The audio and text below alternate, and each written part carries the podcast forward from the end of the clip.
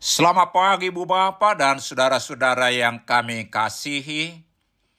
Kami dari Yayasan Badan Kerjasama Marturia mengucapkan selamat beraktivitas hari ini di dalam penyertaan Tuhan kita Yesus Kristus.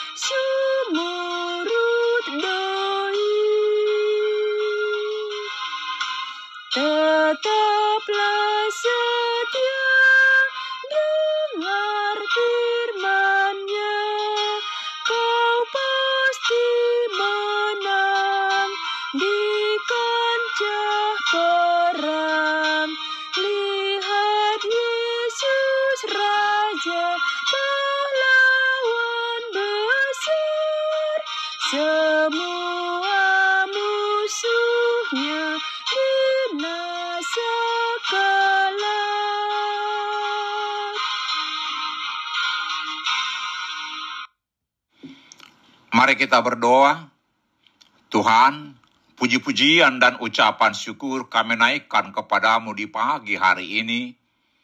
Atas kasih setiamu, atas berkat-berkat dan penyertaanmu kepada kami. Di pagi hari ini kami hendak mendengarkan dan merenungkan firman-Mu. Ungkapkan kepada kami kebenaran firman-Mu dan tolong kami Tuhan melakukan firman-Mu dalam kehidupan kami. Di dalam nama Tuhan Yesus kami berdoa. Amin.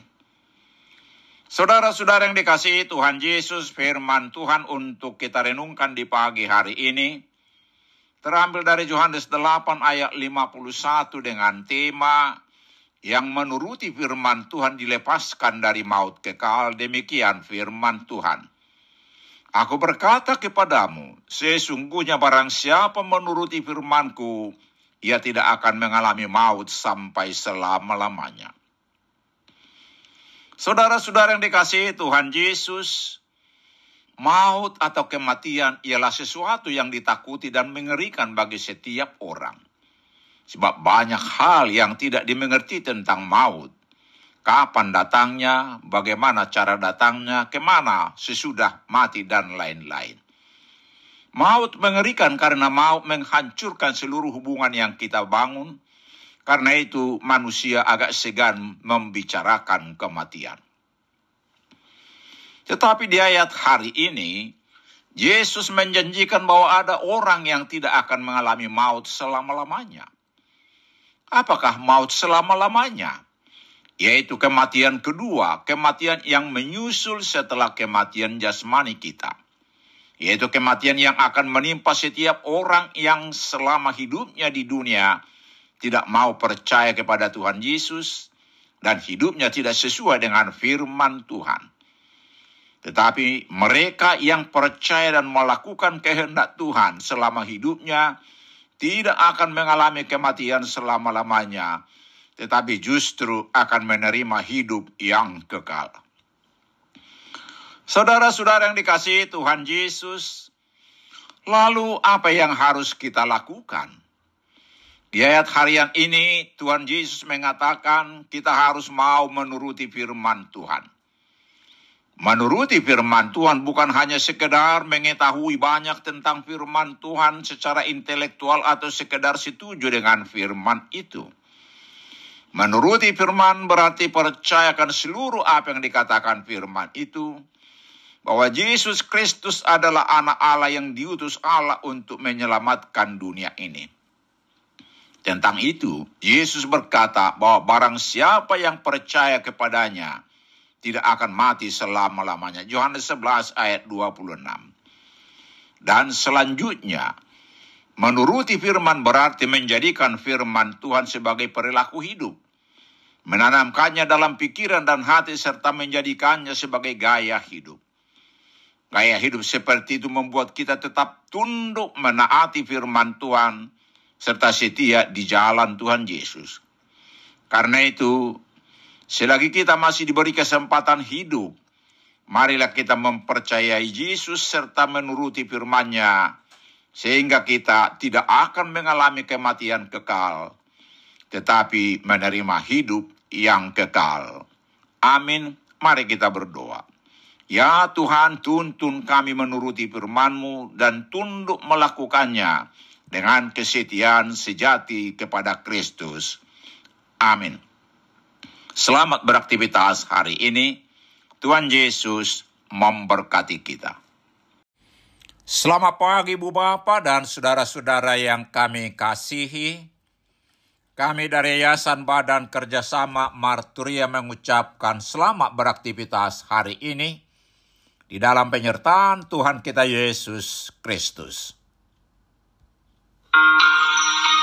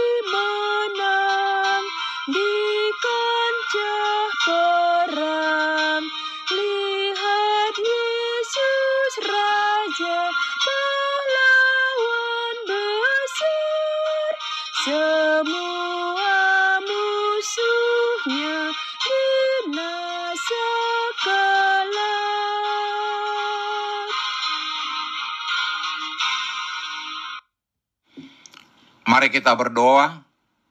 Tuhan, puji-pujian dan ucapan syukur kami naikkan kepadamu di pagi hari ini. Atas kasih setiamu, atas berkat-berkat dan penyertaanmu kepada kami. Di pagi hari ini kami hendak mendengarkan dan merenungkan firman-Mu. Ungkapkan kepada kami kebenaran firman-Mu dan tolong kami Tuhan melakukan firman-Mu dalam kehidupan kami. Di dalam nama Tuhan Yesus kami berdoa. Amin.